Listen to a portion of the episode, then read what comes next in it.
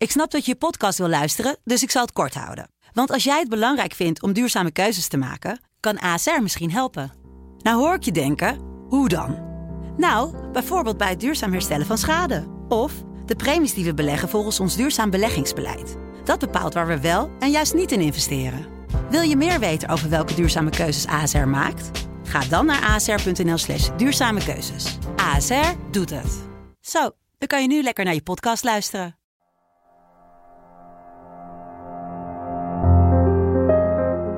Dit is de politieke podcast van de Telegraaf. Afhameren met Wouter de Winter en Pim CD. Ja, want ik ben er weer, Wouter. En ik hoef niet eens te zuchten, want ik ben een week weg geweest. Dus ik zit barstens vol met energie. En jij maar doorwerken. Terwijl, zo hoorde ik in de podcast van vorige week, de politici uh, reces of vakantie hebben. Heb je me nou helemaal inmiddels teruggeluisterd? Nou, ik was of alleen de dat ene kleine stukje? Ja, nee, op de helft was Toen had je er genoeg van. Nou ja. Zo heb je dus De, niet... de acte, je wordt altijd ingehaald door de actualiteit weer natuurlijk. Nou, ik, je hebt dus niet eh, onze evaluatie van jouw eh vlugelvakantie eh, Nee, gehoord. nou dan ben ik blij dat ik dat gemist heb, denk ik, of niet. Maar ik begreep wel dat er dus veel vragen binnen zijn gekomen. Ik heb ook nog een, een lijst hier voor me. Dat Ja. is natuurlijk hartstikke leuk van onze beste luisteraars. En we hebben ook nog een vraag die we later in deze uitzending eh, gaan eh, bespreken. Ja. Van eh, Jordi van Asseldonk. Dus je komt zo nog aan bod, Jordi. Hartstikke bedankt voor die inzendingen. En dat is zeker voor herhaling vatbaar. Maar we gaan snel beginnen met al het formatiegekrakeel. Ja, hoe zou je het eigenlijk samenvatten? Gekrakeel, stroperig. Wat, wat, wat, welk, welk gevoel begrijp je nu? Want Kim Putters is natuurlijk weer met de heren en dames bezig deze week. Het gevoel wat mij bekruipt is hopeloos. Hmm. Nou, we zijn er weer. ja. Ja, ik, ik weet niet of ik gelijk al van wal moet steken of dat je... Dat je nee hoor, we gaan maar meteen eh, van wal. Want het is toch eh, de grote vraag Oké, eh, hoe de vlag er nu bij hangt. ik zal maar met de deur in huis vallen dan. Eh, ik, ik heb er eh, heel weinig vertrouwen in dat dit goed gaat komen. Eh, ik heb er ook heel weinig vertrouwen in... ehm, vooral eigenlijk over de bestendigheid van welke coalitie er met deze verkiezingsuitslag zal komen. Je moet je in deze tijd eh, natuurlijk altijd realiseren dat allerlei partijen een belang hebben. Eh, niemand wil de schuld krijgen voor als iets mislukt. En, en, en daar moet je, als je journalist bent en je spreekt met mensen. En dat gaat niet over de welbekende koffiejuffrouw, maar wel echt de hoofdrolspelers. ehm, je realiseren dat zij er een belang bij hebben dat het eh, straatje schoonvegen en het, en het, ehm, het wegzetten van de ander als degene waar het allemaal aan ligt, natuurlijk eh bon ton is. Hè? Dat is iets wat, wat in elke formatie en ook heel vaak met andere onderhandelingen in Den Haag natuurlijk het geval is. Eh, maar ik heb de afgelopen weken eh, bij eh, eh, eigenlijk een heleboel mensen mijn, mijn licht opgestoken. En ik ben daar eh, zeer eh, pessimistisch over geworden over de kans van slagen. Ook al zou je nog iets fabriceren als een Extra parlementair. nou, dat, dat, dat laatste lijkt me al bijna onmogelijk inmiddels. Maar laten we zeggen een gedoogconstructie of een minderheidskabinet dan, dat dan gedoogd wordt of een afspraak.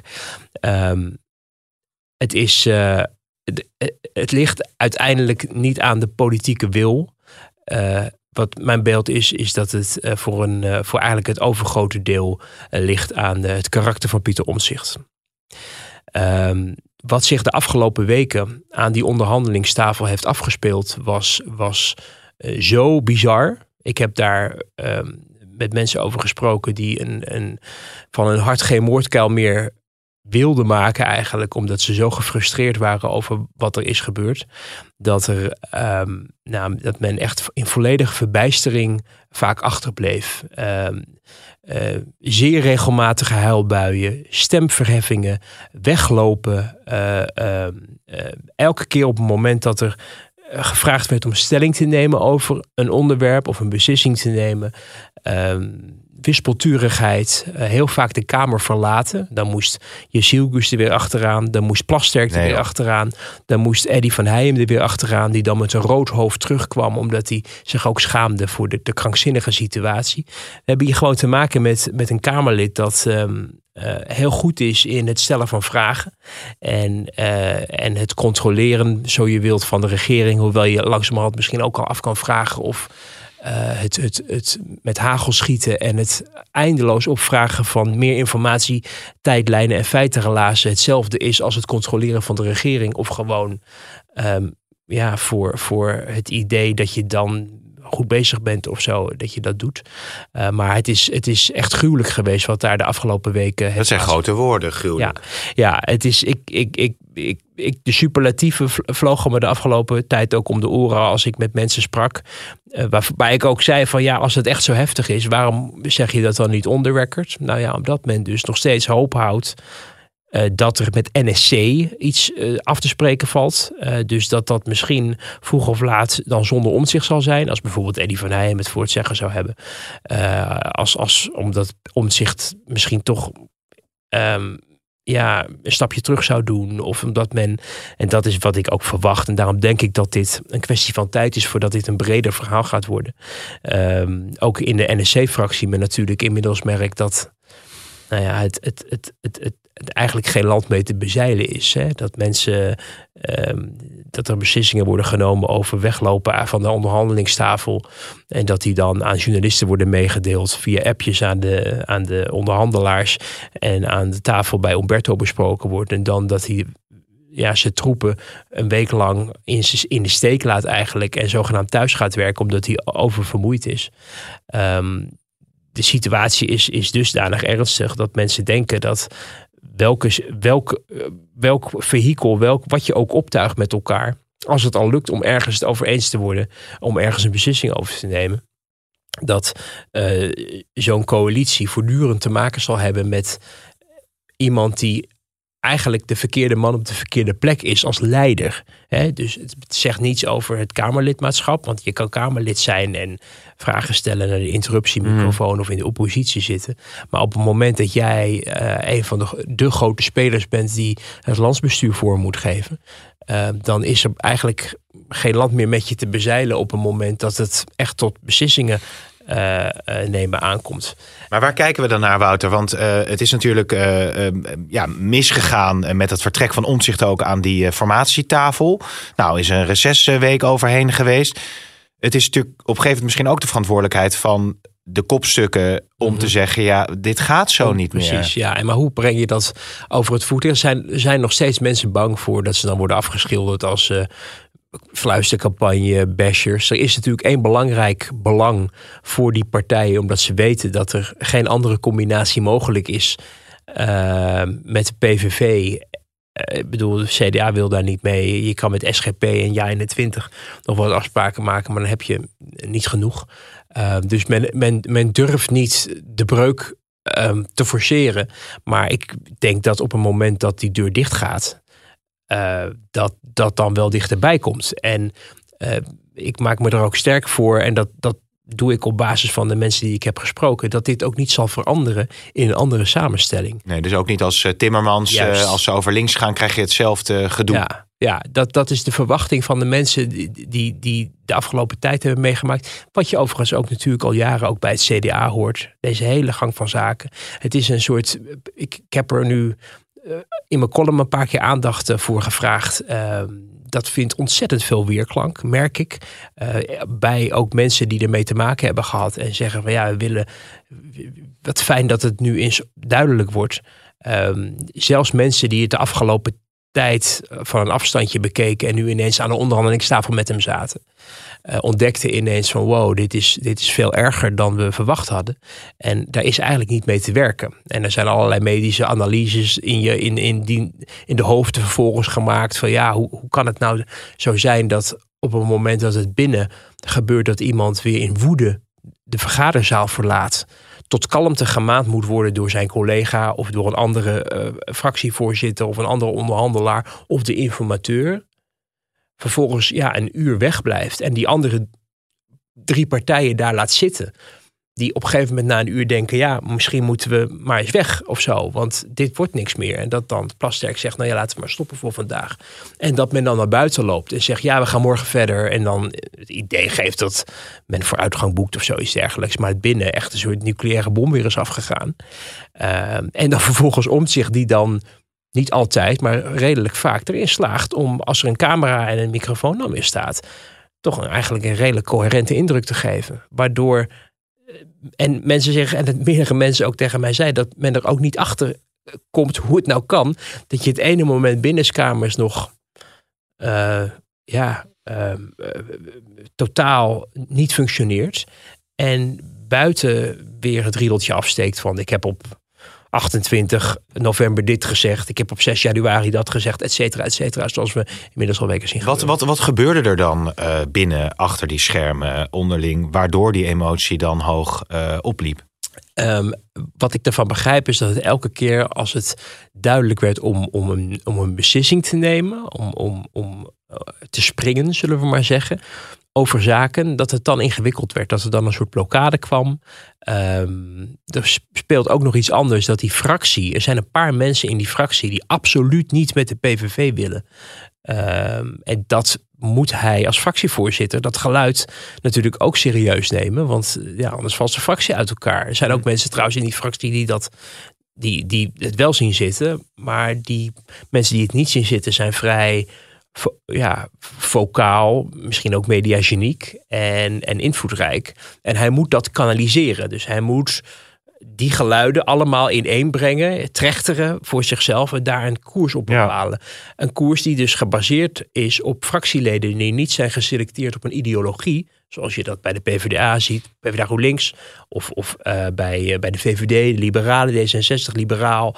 Uh, maar een, een, een, fractie die is samengesteld uit mensen die verstand hebben van zaken uh, voor een groot deel en heel veel verstand. Of het nou de, de pensioenen zijn of, of stikstof of andere zaken. Of buitenlandse zaken. Een capabele man, die Casper Veldkamp ja. die, daar, die daar zit. Ehm, maar die niet verenigd zijn door dezelfde ideologie. Dus daarom is de, de, de voorzitter geloof ik nu ook van, van een, iemand die vroeger bij GroenLinks actief was. En um, zie dat maar eens te verenigen met elkaar als het gaat om de fundamentele vraag van wil je met Wilders ja of nee in welke vorm dan ook. Dus dat speelt ook mee, die druk vanuit die fractie om, om ja, ook tegelijkertijd terughoudend te zijn, tegelijkertijd de opdracht te hebben voor jezelf. Ik wil goed bestuur, ik wil um, nou ja, uh, Nederland veranderen. Maar dat dat betekent dat je daar dan ook verantwoordelijkheid voor moet nemen. Ja. In plaats van dat je van anderen vraagt om die verantwoordelijkheid te nemen. Dat jij een stap terug doet en dan vervolgens uh, het wel even aanziet. Uh, ja, dat blijkt het struikelblok elke keer. Maar ik, ik denk je vraag terecht is van wat is dan precies het, het punt? Nou, dit is, dit is wat ik hoor dat het, als het gaat om het nemen van beslissingen. Maar de algehele staat van opereren binnenskamers is eentje waar, waar eigenlijk um, uh, ja, niet mee te werken zou zijn. En dat, is, uh, dat geeft dus aan dat er een groot probleem is. Omdat ja. er dan, als, je, als dit zich inderdaad ook ter linkerzijde zou openbaren. Wat iedereen die ik spreek daarover met de ervaring van de afgelopen maanden uh, aan mij aangeeft. Uh, dan betekent het dat er ook ter linkerzijde niet een stabiele coalitie kan ontstaan in het geval dat überhaupt de VVD zover wil gaan. Hmm. Want zover is het natuurlijk ook nog niet. Nee, er valt dan misschien alleen die druk weg van uh, fractieleden die zeggen wij willen per se niet met de PVV. Als je over links gaat, dan, ja. dan valt die druk voor ons zich dan weg misschien aan de onderhandelingstafel. Ja. Nee, zeker. En dat, dat is dan bij jou. Ik denk ook dat een belangrijke vraag is die aan omzicht gesteld moet worden. Van hoe zit het eigenlijk met jou? morele bezwaren, gedoog, extra parlementaire wensen allemaal op het moment dat PvdA GroenLinks uh, het voortouw krijgt. Hoe zit het er dan eigenlijk mee? Ik heb die vraag nog niet gesteld horen worden. Misschien heb ik dat gemist. Misschien dat die binnenskamers. Ik begrijp trouwens dat die binnenskamers nog, nog niet op tafel liggen. Omdat ze nog echt helemaal in, dat, in het rechterframe zijn. Maar het kan heel goed zijn dat volgende week wel gaat gebeuren. Hè? Dat op het moment dat Timmermans gevraagd wordt. Timmermans zal pas willen springen op het moment dat hij zeker weet. Hmm. En ook van de informateur hoort dat de route over rechts niet doorgaat. Ja. Dan, is hij, uh, dan gaat hij pas zijn, ja, zich in de kaarten laten kijken, zullen we maar zeggen. Uh, maar de vraag is natuurlijk of, of we dan met een herhaling van zetten te, krijgen, te maken krijgen. Uh, of, of hetzelfde. En, en stel dat er een. Um, dat is trouwens hetzelfde. Hè? Herhaling van zetten, hetzelfde. Of iets anders moet ik zeggen. Dus herhaling van zetten of iets anders. Maar stel dat er een kabinet komt met steun ook van de VVD op een of andere manier. Uh, wat nog steeds trouwens echt uh, zeker geen garantie ja. is.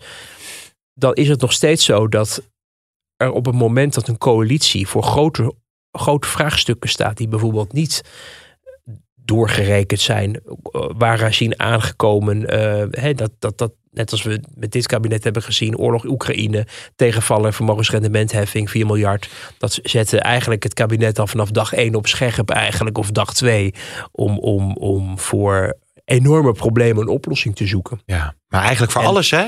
Zou je dit soort dilemma's kunnen Juist. krijgen? Want je hebt op een gegeven moment bijvoorbeeld ook die ene militair gehad uh, in, uh, bij de Rode Zee, geloof ik, bij, bij Jemen. Mm -hmm. Waar ook uh, het Kamerlid, wat jij net noemde, volgens mij, ja, vragen over stelde. Ja, ik herinner me vooral nog Nicolien van Vroonhoven, die geloof ik door Sven Kokkelman toen ja. werd.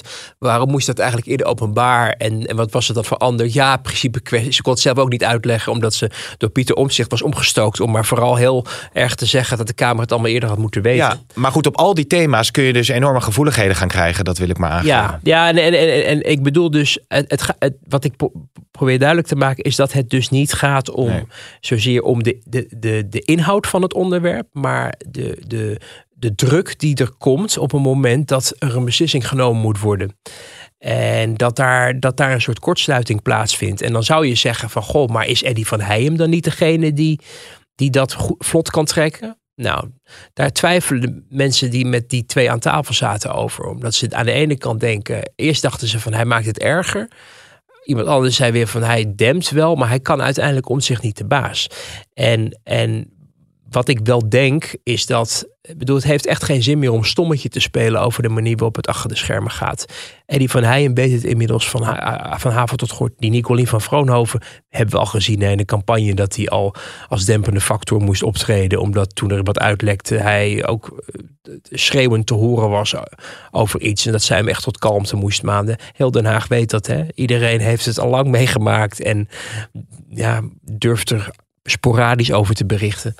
Um, um, maar ook zo'n fractie ziet natuurlijk dat, dat hier afslagen worden genomen die, die, die in een normale functionerende organisatie, of het nou een bedrijf is of een overheidsinstelling of een vrijwilligersorganisatie, uh, ongebruikelijk zijn. En, en wel elementen beginnen te krijgen van ja, hoe gaat dit straks verder? Hè? Er wordt nu ook wel gezegd, Omzicht wil ook wel gewoon nieuwe verkiezingen en dan vijf zetels overhouden. Dan kan hij tenminste, wordt hij met rust gelaten, kan hij doen waar hij goed in is. Met een beperkt team hoeft hij niet de verantwoordelijkheid van coalitievorming aan. En kan hij gewoon blijven doen waar hij goed in is. Maar dat zou betekenen dat die 15 mensen die nu onder plek 5 staan, eruit vliegen. Nou, en die vaak is... allerlei carrières hebben opgegeven Juist. om zich uh, achter omzicht te scharen. Maar hij heeft dus er twintig. Ja, dus dat is niet een fijn vooruitzicht. Nee. Dus je zou denken dat ook maar het zijn natuurlijk het grotendeels politiek onervaren mensen. Dat die zich wel realiseren dat de, zij als Kamerlid ook een eigenstandige rol hebben natuurlijk. Om,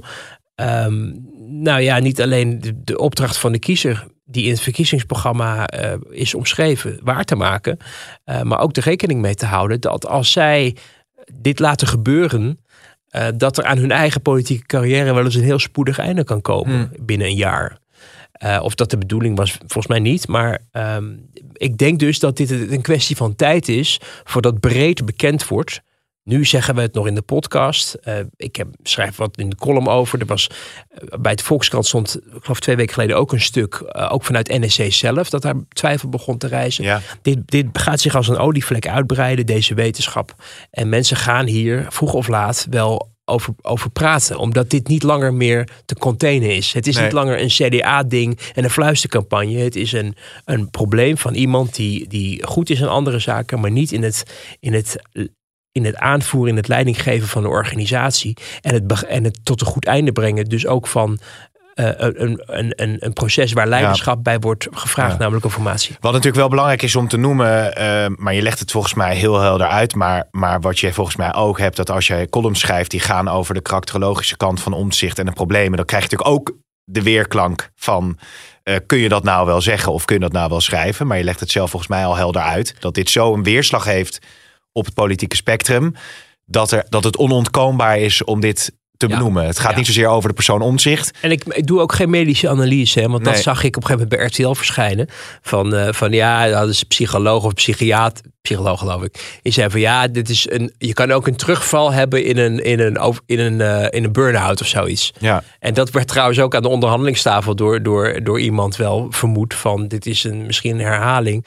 Maar ehm, weet je, ik ben geen medicus. Ik ga er ook niet. Ik, ik denk ook niet dat dit. Want we weten al dat dit al veel langer speelde, ook voor die burn-out. Het gaat gewoon om het karakter van iemand. Iemand heeft, is op een bepaalde manier. eh, eh, ja, eh, ontstaan hè, met, een, met een DNA, jij en ik ook. En, en Zeker. ik Ja. krijg grijs haar aan mijn slapen. En dat zit ook allemaal in de familie. Dat zo gaan dingen gewoon. Staat je goed hoor, Wouter. Dank je, dank je. Ja. En, en, eh, en dat is. Dat is dat, heeft niet zoveel. Ik bedoel, natuurlijk kan burn-out kan, burn-out kan iedereen overkomen. En daar zou ook ongetwijfeld met pesterij en moeilijkheid in de daar een heel groot mee te maken hebben. Alleen wat ik begrijp nu, is dat in een fase waarin nu er over een landsbestuur wordt nagedacht, dat er dingen gebeuren die je niet langer meer Nee. kan wegstoppen en denken, oh het zal wel hier of het zal wel daardoor komen. Nee, dit is, een, dit is een, eigenlijk een weeffout. Ehm, en, en die weeffout die heeft een, op dit moment enorme consequenties, omdat er merken mensen die daarmee moeten werken. Ehm, en dat zijn nu de partijen ter rechterzijde. Maar ik wij horen eh, ook al zorg ter linkerzijde bij partijen die wellicht in een kabinet zouden komen als het via Timmermans gaat gebeuren. Die ook al denken van nou, wat wij inmiddels via de grapevine van onze collega's beteken, begrijpen, is dusdanig ingrijpend. Ja.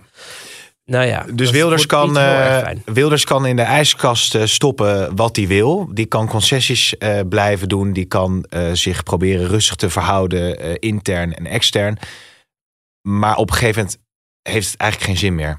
Ze hebben, ze hebben hem op een gegeven moment in die onderhandelingen, ze hebben alles, begrijp ik, alles uit de kast gehaald. Ze dachten, oké, dit vindt hij moeilijk, laten we hem dan helemaal naar de mond praten. Laten we helemaal ons proberen Oh, te joh. verplaatsen in wat hij dan wil. En dan, dan gingen ze daar, ging hij daarin mee. En dan was het ineens, ja, maar dit moet ook nog of zo, weet je. En, en elke keer toch een terugtrekkende beweging op een moment dat mensen probeerden te accommoderen. En je hoort het echt uit alle hoeken, alle hoeken en gaten. Eh, een relativerend woord is er eigenlijk niet meer bij. Ehm, en ik moet je wel zeggen, ik ik doe het nu twintig jaar dit werk. En ehm, zoals ik eh, net al begon, eh, je moet er rekening mee houden dat er een agenda altijd achter zit. Maar dit is wel zo breed inmiddels eh, dat, dat je, dit blijft niet meer onder de, onder de pet. Nee. Dit, gaat, Nou ja, en- gaat breder verteld worden, omdat mensen dit breder gaan merken aan den lijve. En dan op een gegeven moment ook een boekje open gaan doen. Maar ja, wat dan?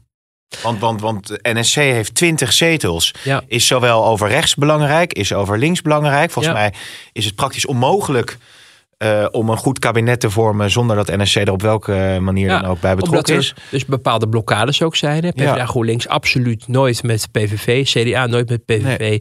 D66 nooit met PVV. Eh, maar die drie partijen samen eh, heb je te weinig. Dan moet je iets met de VVD doen. Heb je volgens mij nog niet genoeg. Ehm, zeg ik dat goed? Ja, heb, heb je nog niet genoeg. Dus dan moet je nog meer bij. Dus het is in theorie mogelijk om een, om een kabinet, een echt een monsterkabinet van zeven of acht partijen zonder PVV en NSC te formeren.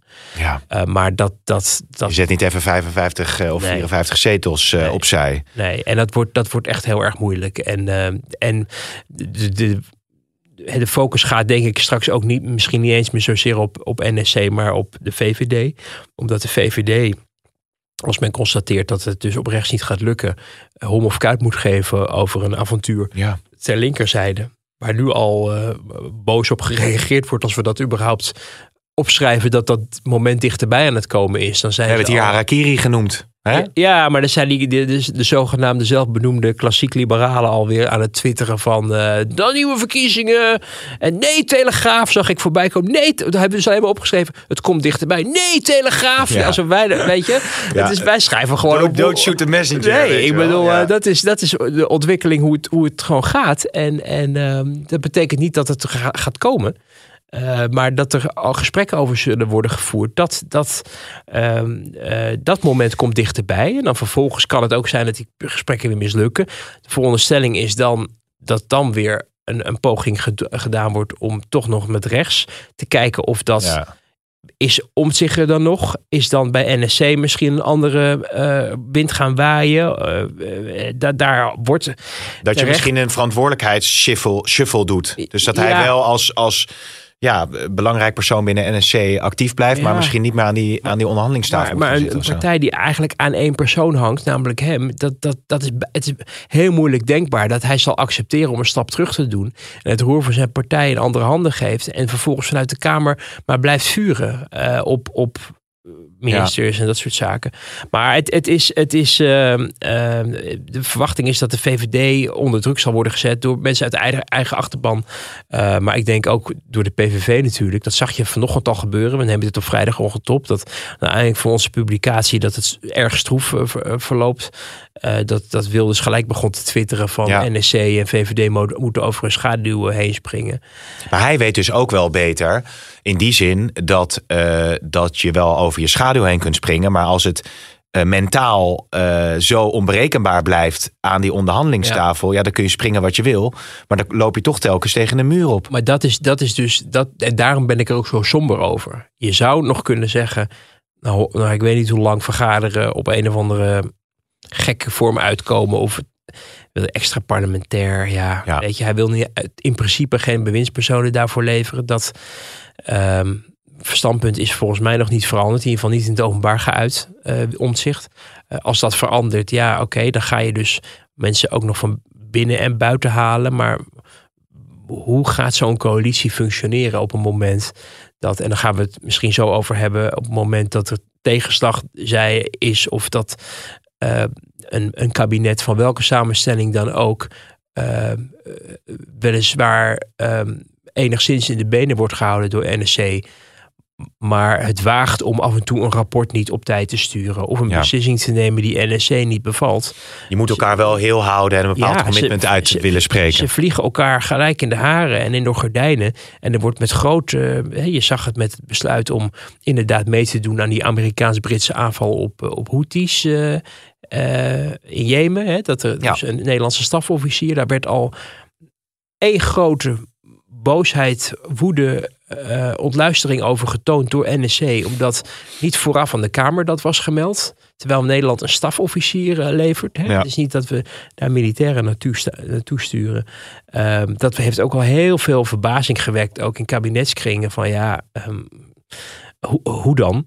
Eh, maar ook bijvoorbeeld met, met stikstof. ehm, er, kunnen, er zijn allerlei scenario's denkbaar dat een kabinet aan het regeren is en, en al gelijk te maken krijgt met een ja, soort obsessie van is hier wel alles over verteld? Ik Ja. het allemaal wel. En, en ja, daarmee gaat het, wordt het, de vertrouwensregel eigenlijk eh, potentieel dagelijks met voeten getreden. Omdat elke keer een suggestie wordt gedaan van er is een ja, Ja. complot gaande om, het, om, iets, om ons informatie te onthouden of zo.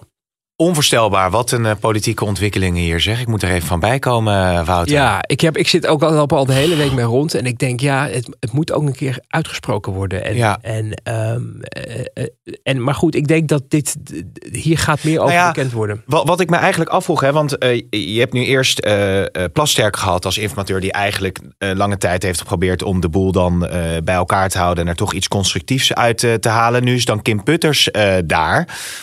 Je zou natuurlijk ook kunnen stellen dat op een gegeven moment een informateur moet steggen- zeggen eh, van ja jongens, dit gaat niet.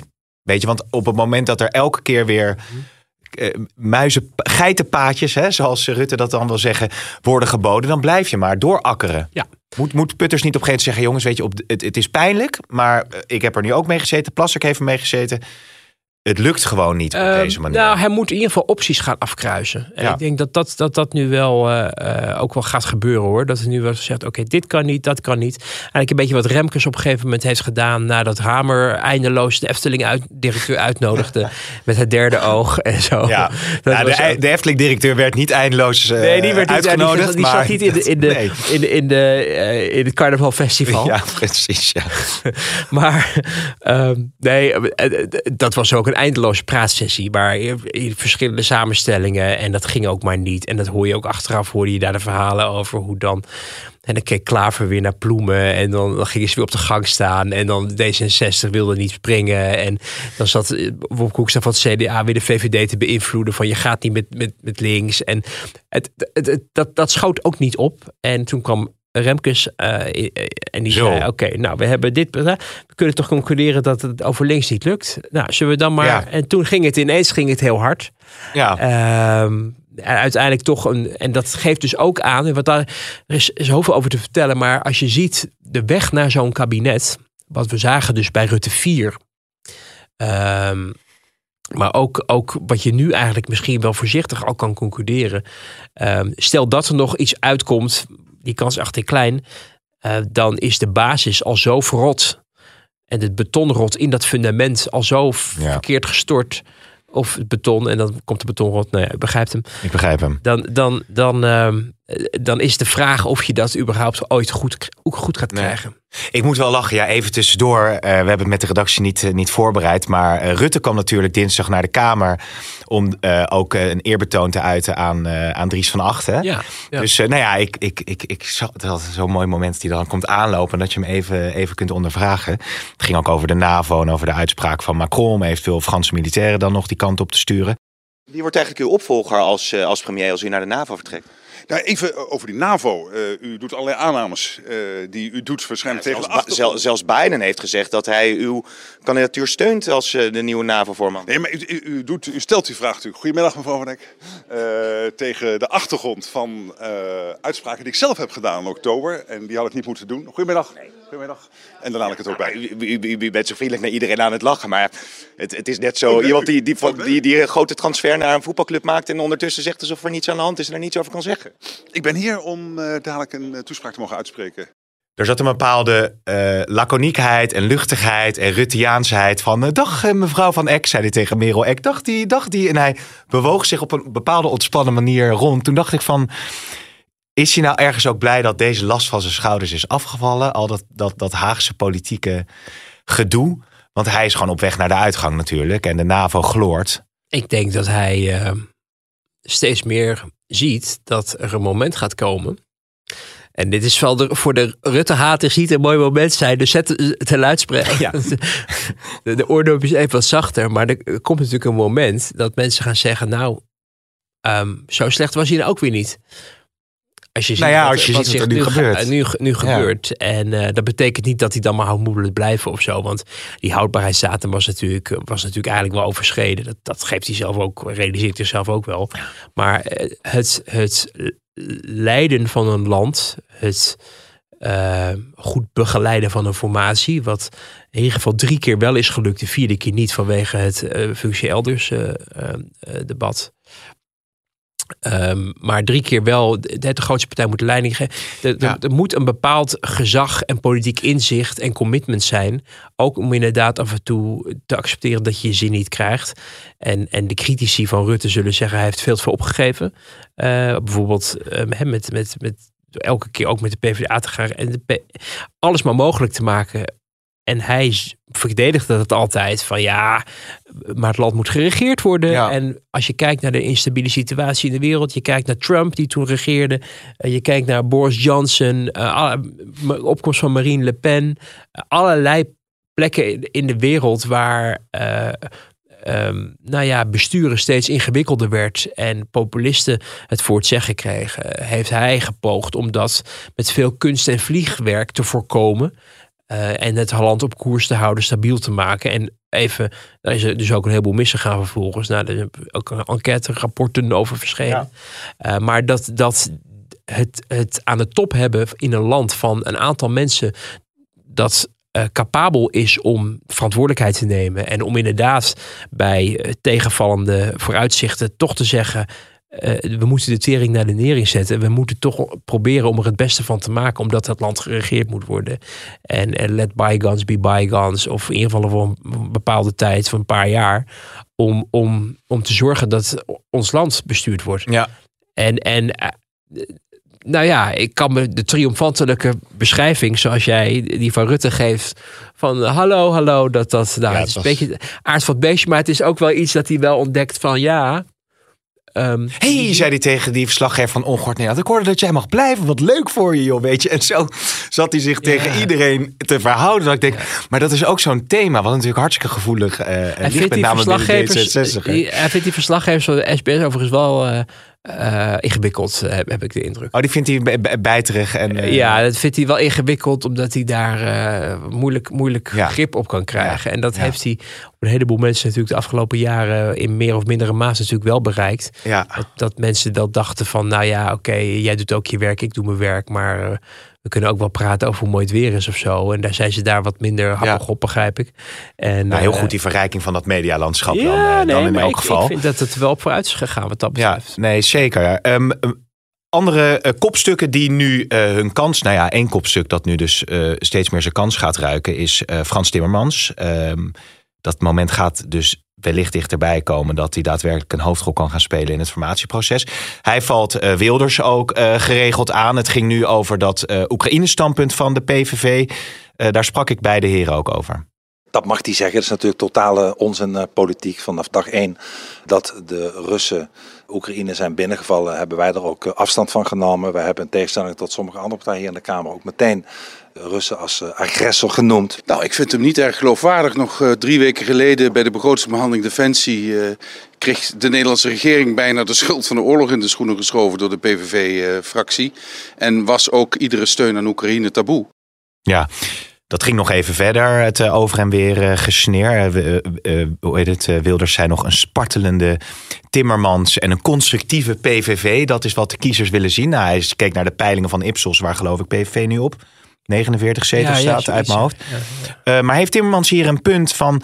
Kijk, Oekraïne was, is natuurlijk wel een fundamenteel punt geweest voor de PVV. Namelijk, er gaat geen Nederlands belastinggeld naar de Oekraïne. We steunen wel, eh, we, zijn, we, ver- we veroordelen waren de ook tegen het verhogen van de pensioenleeftijd ooit. En toen kon, kon Rutte 1 gevormd worden. En toen ging dat het raam uit. Ja. Ehm, dus dus de, de standpunten van de PVV zijn inderdaad een stuk flek, eh, eh, fluïde en flexibeler. En dat, dat komt ook vanwege wat we net ook bespraken. Dat als een partij geen echte ideologie heeft. eh, waarmee je dus op een bepaalde manier in het leven staat. eh, die wat om, al, alomvattender is dan we vinden de islam verwerpelijk. Dan ben je flexibeler in de dingen die daar Hmm. minder ja, mee te maken hebben. En het verbaast mij niet dat in een, in een in een mogelijke coalitie waarin je duidelijk ziet, trouwens niet alleen de coalitie, maar breed in de Kamer, de steun voor Oekraïne heel groot is. Ook een peiling trouwens van RTL Nieuws eh, zondag eh, bij, bij Rensen onthuld. Dat ik geloof 87% of zo vindt dat, dat, we, dat we moeten steunen. Uh, Wilders kijkt ook naar peilingen, kijkt zelfs heel veel naar peilingen. En weet ook wel dat het standpunt wat hij eerst had, namelijk oppositie voeren. Hè? Dat is misschien ook belangrijk om nog even in herinnering te roepen. Wilders gelooft, als hij niet regeert, dat, hij, dat er een keiharde oppositie nodig is. Mhm. Hij, hij gelooft heel erg in het confrontatiemodel. Dat gaat eigenlijk verder dan dat hij soms echt dingen persoonlijk vindt. Nu vind ik dat rond Rusland. eh, we hebben allemaal gezien natuurlijk wat hij daarover eerder in het verleden heeft gezegd. En met zijn Rusland speeltje en zo. Uh, dus daar, daar heeft hij zelf natuurlijk wel een bepaalde indruk achtergelaten. Waardoor je, denk ik, begrijpelijkerwijs kon concluderen dat hij daar ook echt persoonlijk wel iets van vond. Uh, maar Wilders gelooft in hard oppositie voeren en is bereid op een moment dat uh, coalitiesamenwerking longt om dat op te geven, omdat hij denkt, ja. mijn rol wordt dan anders. Um, je kan vervolgens als kiezer je afvragen, ja, wat heb ik er dan aan als je dat zegt voor de verkiezingen? Na de verkiezingen vind je het wat anders. Maar de vraag is of mensen um, massaal op Wilders hebben gestemd vanwege het Oekraïne-standpunt. Mm. Volgens mij is dat niet het geval. Dus daarom denk ik dat hij zich ook vrijer voelt om daar dingen over ruimte te op bewegen. te geven. Ja. Wat, wat wel zo is, en wat je nu ziet gebeuren, dat uh, de Partij van de Arbeid, um, en ik denk dat het op zich een begrijpelijke politieke strategie is, zich er op, zo, zo hard mogelijk te verzetten. Eigenlijk de oppositierol zoekende die Wilders eerst heeft gedaan. Alleen dan wel meer kijken naar de inhoud. En kijken of die uh, in overeenstemming zijn met die eigenlijke linkse idealen. Uh, maar dat je zo hard mogelijk op Wilders ramt. Omdat je denkt dat mensen die het niet eens zijn met rechts met Wilders of daar een heel naar smaak van hun mond krijgen. Dat die mensen eh, zich bij PvdA GroenLinks gaan Ja. aansluiten. Dus dat het een politiek verdienmodel is om zo hard mogelijk richting Wilders eh Ja. tekeer te gaan. Wat je bij D66 natuurlijk eerlijk eerder hebt gezien met Pechtold onder Juist, andere. en dat heeft D66 toen geen windeieren gelegd. Ik zeg er wel bij dat D66 ook een inhoudelijke eh, agenda had toen. Eh, hè, de tijd van Pechtold was hè, toen ze drie zetels hadden tijdens Balkenende 2. En toen ze er wat meer kregen tijdens Balkenende 4, zeg ik het goed? Nee, het was Balkenende 4 dat ze drie zetels hadden. En daarna kregen ze er meer oppositie voeren. 10 zetels, daarna 12 en daarna 24. Mhm. Of nee, eerst nog 19, toen Ja, 24. ja. Enfin, ehm, dat was dat zij altijd eh, in die tijd de, met die drie zetels de agenda van eh, eh, voor, vooruitgang. ja, en hervormingen, hervormingen. woningmarkt, Ja, AOW, ze- dat ja, die hebben ze toen omarmd. Ja. Omdat je een, je had een, een, een eh Balkenende 4 was een vechtkabinet van CDA en PvdA. Die konden elkaar niet luchten of zien. Kwam allemaal ook uit de formatie, Bos Balkenende.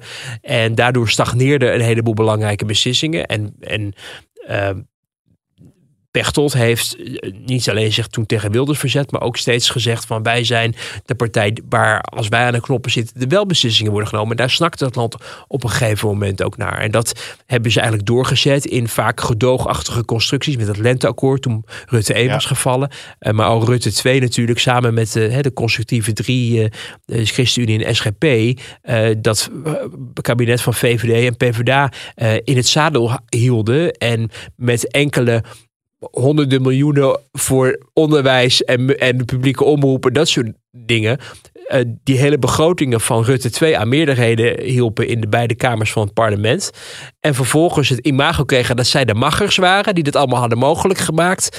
Tot grote ergernis van vooral de PvdA, die dacht: wij, wij 95% van alle plannen is van ons, maar jullie helpen aan 5% en jullie eh, Gaan ermee in de haal Ga eigenlijk. ermee aan de haal, ja. Ja. Dus, dus daar zat bij D66 nog een, ook wel een heel inhoudelijk verhaal achter. En ik, ik vind dat dat bij PvdA GroenLinks momenteel nog wat achterblijft. Ik Ja. denk dat het vooral nu gaat om, we gaan zeggen hoe slecht... Beeldvorming meer dit- nog. Ja, hoe slecht het allemaal is met de PVV en over rechts. Er is natuurlijk ook politiek belang bij, want natuurlijk wil Timmans het torentje in, zou je zeggen. Uh, maar um, mag ook wel, het gaat wel, het is nooit zo sterk natuurlijk als je alleen maar zegt die andere deugt niet. Je moet Hm. zelf ook wel met iets komen. Ja, maar het, het gaat florissant met PvdA GroenLinks, Wouter. De, de ledenaantallen gaan door het dak. Ja, dat hadden we van tevoren eventjes besproken. Dus dan uh, ja, hè? ja, nou ja, dat, wilde dit graag even benoemen. Ja, want dat is dus, dat is dus ook een uitvloeisel van wat we net bespraken. Uh, begreep ik ook van... Uh, uh, de man die van de Rijksuniversiteit Groningen daar uh, ook onderzoek. En die, hè, er is een meneer daar, ik denk dat hij dat niet alleen doet hoor, maar ook met andere mensen. Die uh, bezig zijn om elke. Uh, elk jaar de ledenaantallen in kaart te brengen. Mm. Van de Rijksuniversiteit Groningen. Uh, Gerrit Voerman uh, heet hij. En die had ja. ik gisteren ook even aan de lijn. Uh, en die vertelde mij ook van dat je ook zoiets zag, bijvoorbeeld met de LPF. Toen LPF goed ging, dat bepaalde partijen toen ook meer zetels gingen krijgen. Omdat, uh, of meer zetels, meer leden gingen krijgen. Omdat men zoiets had van we moeten uh, een tegengeluid ontwikkelen tegen wat er nu zit. En, um, en dat was toen de LPF die toen in opkomst was met PVV. Zou je hetzelfde kunnen zien, was zijn vermoeden. Uh, hoewel het ook enthousiasme kan zijn voor het feit dat die twee partijen samen uh, gaan. Uh, of samen aan het gaan zijn. Mijn reden waarom ik hem nog even belde gisteren was omdat ik bij mezelf dacht van ja. PvdA-ledenaantal stijgt behoorlijk. GroenLinks stijgt heel behoorlijk. Uh, maar we hebben in die campagne natuurlijk ook gezien dat al die hotemetoten ook lid werden van elkaars partijen. Dus Timmermans ja. werd GroenLinkser, Klaver werd ook PvdA. Je denkt, ja, als je dat, dat je hele up, partij, zeg maar. ja, dan heb je dubbele lidmaatschap, maar dan telt het wel voor twee. Dus hoe zit dat dan uiteindelijk met als je dat dan bij elkaar voegt? Want er werd gezegd, als je het allemaal bij elkaar voegt, heb je iets van 80.000 leden. En dan zijn ze de grootste partij van Nederland. En, en is dat dan wel, uh, zijn dat dan inderdaad allemaal uh, individuele leden of zijn dat een heleboel duo-lidmaatschappen? Nou, het vingerspitsengevoel van meneer Voerman, die ik dus aan de lijn had over, die zei wel van nou, er zal wel wat overlapping zijn, maar hij, hij zei dat hij niet dacht dat dat nee. één op één daardoor te verklaren was. Wat dus aangeeft dat er mensen zijn die denken, als wij lid worden van uh, PvdA GroenLinks, dan laten wij op een of andere manier blijken dat wij absoluut niet eens zijn met de koers dat een Wilders het Ja. voor het zeggen gaat krijgen. Eh, maar zie je het allemaal wel in perspectief. Er staat, is prachtig ooit beschreven in het, eh, in het boek Niet spreken met de, de bestuurder. Eh, dat, dat kan ik iedereen overigens aanraden. Dat uiteindelijk onze democratie en die partijcongressen en die leden, eh, die vertegenwoordiging ook best wel gek is natuurlijk. Dat, dat allemaal kiezers zijn. Dat zijn er voor de grote partijen vaak 2 miljoen, 1, 2 miljoen. eh, of 2,5 miljoen, soms 3 miljoen. Die dan ehm, ervoor kunnen zorgen dat. eh, ehm, eh, ja, hoe, zeg ik dat? Ehm, dat die, die, hebben een bepaald vertrouwen in, uitgesproken in een partijleider of in een verkiezingsprogramma. En dan gaan zij het volgens de leden, wat een veel kleiner clubje is. En soms op een partijcongres maar 2000 mensen zijn die dan even bepalen of een partij ja of nee zegt tegen onderwerp of tegen een verkiezingsprogramma. Eh, dus als je dan 80.000 leden hebt, dat zijn er heel veel. Even relativeren. Maar het electoraat Ja. is veel en Ja. veel en veel groter. En, en het gevaar is altijd dat je als politieke partij te veel gaat hangen naar wat een aantal fanatiekelingen bij de interruptiemicrofoon op een congres zeggen. En wat mensen in het land van je verwachten. Nou ja, de VVD, hè, VVD, maar ook Ja. NSC heeft daar Ja. natuurlijk nu ook last van. Dat daar, daar zitten natuurlijk, Ja. eh, dat is best een verdeelde partij in het electoraat. Waar de helft van de kiezers wegloopt, eh, lijkt het, op het moment dat eh, er niet voor de PVV wordt gekozen. En zo komen we weer terecht bij de partijen die, nou ja, god, ik weet het allemaal ook niet meer. Al dan niet in een eh meerderheids, nou dat sowieso niet, minderheidsgedoogconstructie, extra parlementair, nieuwe verkiezingen, noem het maar. Maar dit zijn in ieder geval twee prominente partijen op rechts. Ehm, mocht er nou zo'n extra parlementair kabinet gaan komen, hè? Jij had een fragment uit het 8 uur journaal van donderdagavond volgens mij. Ja. Waarbij Rosanne Hertzberg, natuurlijk eh, oud-columnist NRC en Kamerlid van eh, NSC, de degens kruiste met eh, Van der Wal, de stikstofminister. dan heeft deze minister niet begrepen wat het inlichtingenrecht inhoudt. En dat geeft absoluut geen vertrouwen in dat dit in de toekomst niet wederom gaat gebeuren. Dus ik wil nogmaals aan de minister vragen of ze nou zelf vindt dat ze iets verkeerd heeft gedaan en het de volgende keer anders doet of niet. Ja, voorzitter, eh, volgens mij, ik val in herhaling. Eh, Nee.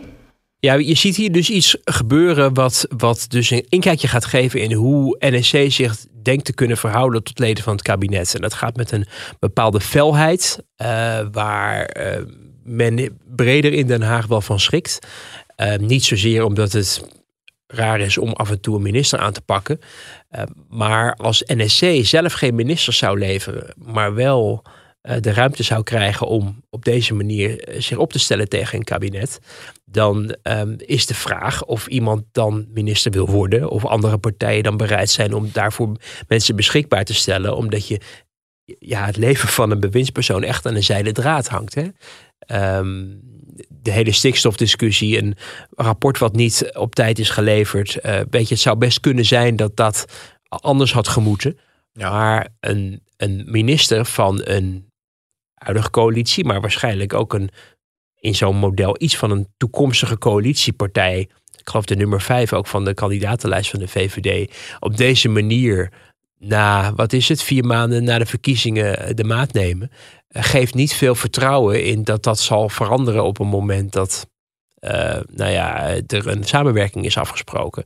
Eh, want je bent nu immers al met elkaar dat aan het verkennen. Ze hebben elkaar bij het debat over de verkiezingsuitslag natuurlijk ook aan meerderheden geholpen. Bijvoorbeeld ook om de NSC-agenda te faciliteren in de voorbereiding van zo'n constitutioneel hof. Hè? Mhm. En eh, dat iedere partij mocht iets uitzoeken.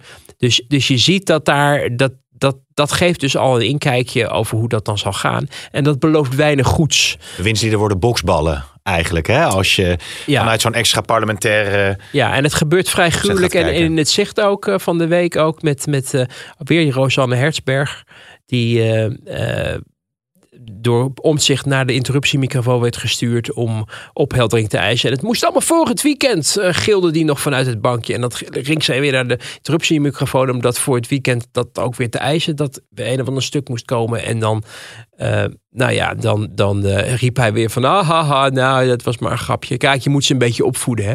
En dat dan een beetje te hard riep, waardoor allerlei andere fracties dat ook hoorden. En, en weer werd bijgedragen aan het beeld van, ja, die die Kamerleden worden nog wel redelijk ehm, ja, als spionnen gebruikt om, om zich op een manier op te stellen zoals de grote baas dat wil. Maar die eigenlijk nou, pijnlijk zijn en, en ook een beetje vernederend. Ook bij de PVV misschien tot op zekere hoogte ook wel zo dat de grote baas bepaalt hoe Kamerleden zich uh, moeten Ja, maar die doen toch? het wel op een andere manier dan in het openbaar. Want je moet je niet vergeten. kijk, als jij ergens gaat werken en je hebt iemand die het beter kan dan jij, dan, dan hoop je dat je gecoacht wordt. Maar eh, zeker in de tijden van het, van het grensoverschrijdende gedrag, is het de manier waarop dat gebeurt natuurlijk. eh, hè, kan allerlei. Je kan ook Ja. iemand even apart nemen of even appen van eh, goed gedaan, maar let even hierop. Maar dit ging op een manier waarop andere Kamerleden van andere partijen die daar omheen zaten, iets gadeslagen. En niet voor het eerst van die mensen worden best wel eh, nou ja, erop, erop uitgestuurd. Ja. En ik heb het ook een tijdje geleden die mevrouw Jozef ook zien doen. Hè? Die zegt, ja, er is mij net verteld dat ik hier nog wel een punt van ga maken of zo, weet je. Het was allemaal vrij pijnlijk en dat gebeurt. Overigens nog wel grappig om op te merken over mevrouw Hetsberger, dat de enige dag dat Pieter Omtzigt echt vrolijk was, begreep ik, was op het moment dat hij haar had weten te dumpen in de coronacommissie. Want dan was hij daar tenminste van af te Oh, komen. nee, de maar dit, dit, dit is wel... Die deze, zijn, die, dat zijn de mooie details, hè? Ja, nou, dat- dit, ik, ja, ik, ja, dat jij, werd jij, jij, jij, jij hoort het in de werd- werd- Wouter. Ja, en dat werd ook herkend. Want iemand vertelde me dat. Dus ben ik daar eens naar informa- En toen, dat werd wel met een glimlach eh, inderdaad ontvangen. Dus ehm, ze is wel een beetje een, een pain in the ass. Wat op zich, Misschien is dat ook wel weer goed. Wat ook wel weer goed is. Alleen, eh, ja, als zij bijvoorbeeld heel erg tegen samenwerking met de PVV is. En zij daarop maar blijft rammen. Dan, dan Ja. beperkt dat natuurlijk ook de manoeuvreerruimte. Maar, eh, maar dit was wel eentje die, ik- ja, die vond ik wel heel erg grappig. om nog even te vermelden. Ja, ja, ja, mensen zijn inmiddels hebben hun, eh, hun eh, loop, eh, loopband kapot gelopen of lo- lopen hun 36e rondje in, eh, in de supermarkt. nog een vraag. Nou, dat wou ik zeggen, ja. Ja, mensen blijven nog even boodschappen doen. Ik weet niet wat je gaat kopen, maar of rij nog even een rondje op de ring eh, Amsterdam. Ja, of, of stop luisteren halverwege zoals ook. Pim CD altijd doet als hij Ja, zelf ja. presenteert. Nee, maar dat, daar is deze aflevering te spannend voor, Wouter. Oké. Eh, want we hadden nog een vraag van Jordi natuurlijk. Hè? Jordi van Assendonk. Hoe kan een centrumrechtse coalitie, mocht die daar dan ooit komen, zijn plannen door de Eerste Kamer krijgen? Ja, goede vraag. Ehm, want ook al zou NSC aan boord zijn, NSC heeft geen senatoren. Dus je hebt, eh, daarom is de positie van BBB heel erg interessant. Want die hebben nu nog 16 senatoren. Gaan we dus meldingen over dat dat misschien eentje minder gaat worden binnenkort. Omdat het daar een beetje rommelt in die, eh, Oh. in die, eh, in die fractie. Die heb ik even gemist. Ja, maar ja, je was op vakantie. Ja, klopt ook, ja. Reces, hè? Maar, maar goed, Ja. een, een, een enorme, een enorme eh, fractie. Eh, maar nog steeds VVD, eh, BBB, PVV hebben 30 zetels. Dus je hebt er nog acht nodig. Nou, daar wordt eh, op SGP gerekend. Er wordt op JA21 gerekend. Eh, en eigenlijk ook wel op het CDA. Het CDA in de Eerste Kamerfractie zit een stuk ehm, serieuzer in de wedstrijd. Eh, of nou, serieus is niet het goede woord. Eh zit, zit een stuk... ehm, Constructiever of wat? nou, nee, meer, meer eh, ik zou zeggen rechtsstatelijk in de wedstrijd. Om, de, om de, de, de rol van de Eerste Kamer te heiligen. Oh ja. Dus waar je ziet dat sommige partijen heel erg bezig zijn. eh, Dat zag je in de afgelopen periode. PvdA, GroenLinks, die de hele tijd aan het dreigen waren. Van als wij in de Tweede Kamer onze zin niet krijgen hierop. dan gaat onze Eerste Kamerfractie tegenstemmen. Dat was ongeveer een, een, een wekelijks Een dreigement machtsmiddel van werd het gebruikt. Ja, en dat, dat, eh, zo zit CDA niet in de wedstrijd, begrijpen we. En we begrijpen ook, hoort ook in de partij zelf, maar ook van andere mensen, dat er wel al wat verkenning is geweest van, goh, hoe zouden zij eh, daarmee om willen gaan? En dat was meer eentje van, nou ja, we zijn er vooral om de wetten eh, te beoordelen of die goed zijn. Er wordt ook naar het verleden gewezen. Eh, er is eh, tijdens Rutte 2 zat CDA in de oppositie. En ehm, ze hebben af en toe met de spierballen gerold, maar ook heel vaak niet. En dat is omdat ze, ze gaan natuurlijk overal tegen kunnen zijn, maar dat doen ze uiteindelijk niet daar toen.